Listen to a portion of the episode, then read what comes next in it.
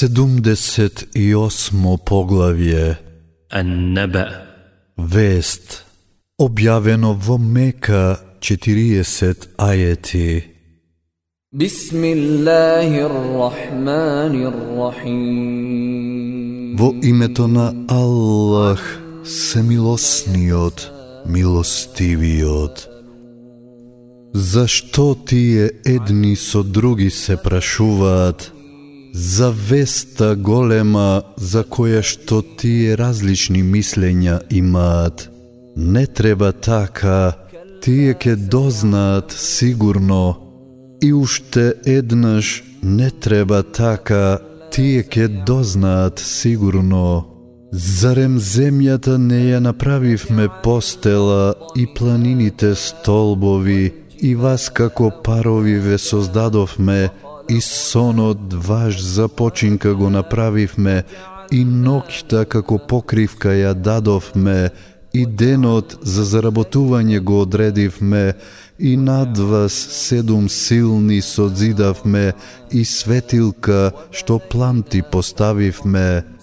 Ние од облаците обилна вода спуштаме и со нејзина помош правиме да растат житото и растенијата и градините густи. Денот суден е на вистина веќе одреден, денот кога во рогот ке дувне, па вие се група по група ке доаѓате и небото ке се отвори и многу порти ке има и планините ке се здробат и привидение ке биде. Джехеннемот заседа ке стане за насилниците место на враќање, каде што вечно ке останат. Во него свежина нема да осетат, ниту пијалак ке вкусат, освен жешка вода и течности, казна прикладна.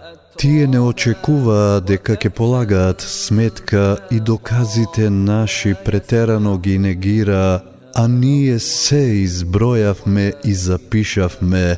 Па трпете, мачењето се полошо ќе ви го направиме. А на богобојазните местото на спасот им припаѓа, градини и лозја, и девици млади со години исти, и пехари полни. Таму празни приказни и невистини нема да слушаат, тоа им е награда од Господарот Твој, дар доволен. Господарот на небесата и на земјата и на тоа што е меѓу нив, милостивиот, кому од страф нема да може да му се прозбори на денот кога Джибрил и мелеците ќе бидат во редови наредени, кога само оној на кого милостивиот ке му дозволи ке зборува, а вистината ке ја каже. Тоа е вистинитиот ден, па кој сака враќањето кон Господарот свој ке го прифати.